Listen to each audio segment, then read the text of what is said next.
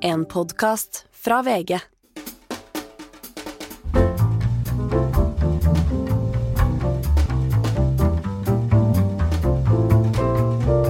Hei! Nå får du en smakebit av min samtale med beredskapsdirektør i Direktoratet for strålevern og atomsikkerhet, Astrid Liland. Vi snakker om alt fra det store bildet. Er det slik at eh, et angrep på norsk jord med atomvåpen bør inn i risikoscenarioene til direktoratet? Det utredes nå. Til helt konkret, hvorfor skal du hvis du får eh, radioaktivt avfall på deg, gå i dusjen og bruke såpe og sjampo, men ikke balsam? Zaporizjzja ligger jo nå i russiskkontrollert område. Hva innebærer det av uklarhet og risiko? Det er vel stengt ned, men likevel så ligger det der?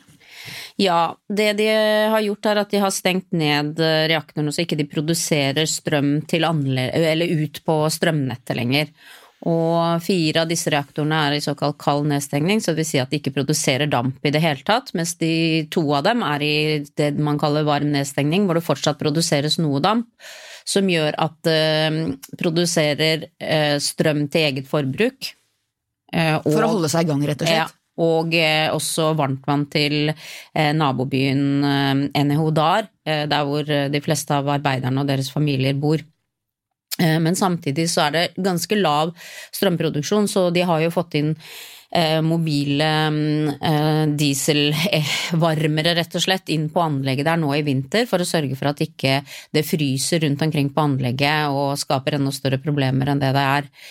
Eh, så er det jo sånn at de har jo vært under russisk kontroll nå helt siden mars, og det er ikke bra arbeidsforhold for de som er der. Det er veldig utilbørlig press, og det er mye rapporter om grusomheter som skjer der også. Og um, for det er de samme er, arbeiderne som jobber der? Det er de samme arbeiderne. Eh, og de har i utgangspunktet nå blitt tvunget til å skrive under på arbeidskontrakter med det russiske firmaet Rosatom, som er de som drifter russiske kjernekraftverk.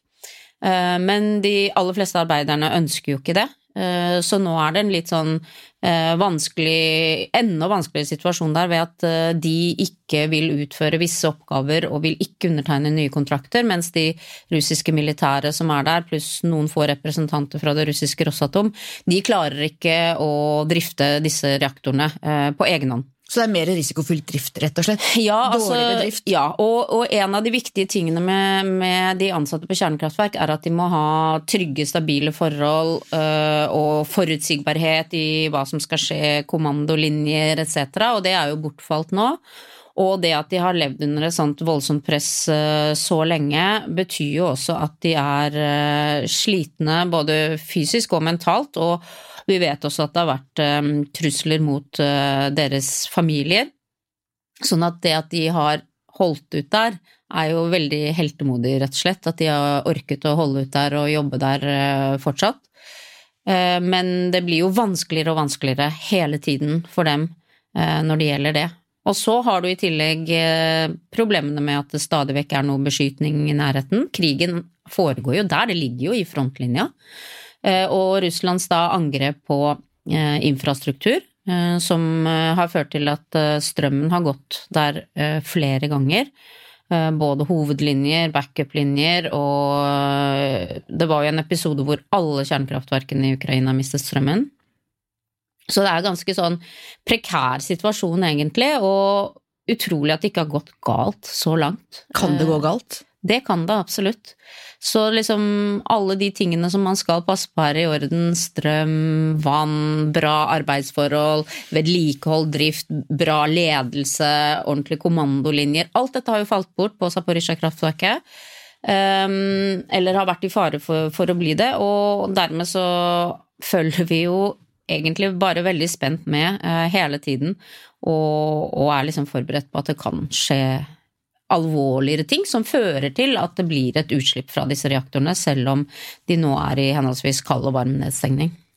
Er det forskjell i risiko, risikobildet på om det er en ulykke på et atomkraftverk, eller om det blir bombet?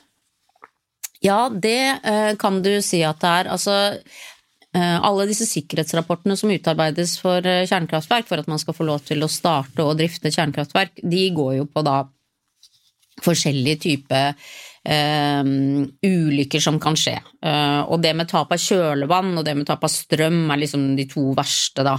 Eh, og som da kan føre til at eh, det koker i kjernen og mm, brenselet smelter og det blir produsert masse damp og varme som ikke kan kontrolleres, og så blir da, snakket en. Da snakket Tsjernobyl. Ja, det var en litt spesiell eh, ulykke, men mer sånn som det var i Fukushima, da. Mm, Ikke sant? Som tsunamien gjorde at eh, de mistet strøm, og da fikk de ikke brukt kjølvannet sitt, og fikk de ikke pumpet det rundt, og så gikk det galt. Um, så det kan jo også, um, også skje her eh, ved disse kjernekraftverkene, selvfølgelig. Men hvis de blir bombet, er det annerledes? Ja, nå er det jo ikke så veldig mye erfaring man har med det med bombing av reaktorer, eh, så vi er jo veldig usikre på hva det vil bety. Eh, Det kommer jo an på hva slags type mm, missil eller bombe det er, og hvor sterk den er, hvor den treffer, og om det er et direkte treff eh, på selve reaktoren, eller om det tar eh, alt kjølevannet, eksempel. Så det er veldig mange forskjellige ting som kan skje. Så i krig eh, så vet man aldri egentlig hva det er som skje, kan skje. Og de reaktorene er jo ikke konstruert for at de skal stå imot eh, militære angrep. Det er det ikke. Selv om mange er bygget ganske så trygt etter hvert, og også skal kunne motstå eh, f.eks. styrt av mindre passasjerfly, så er det likevel noe annet enn hvis de blir utsatt for et direkte angrep, eh, og spesielt bombeangrep. da.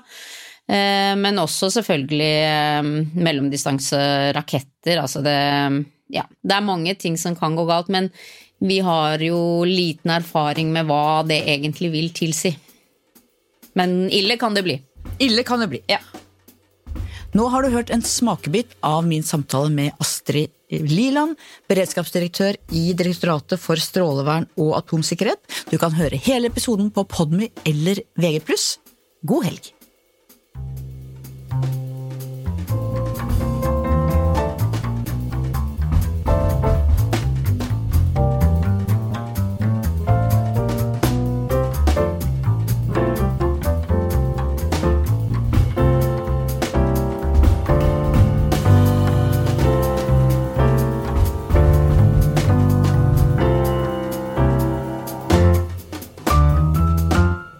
Har hørt en podkast fra VG.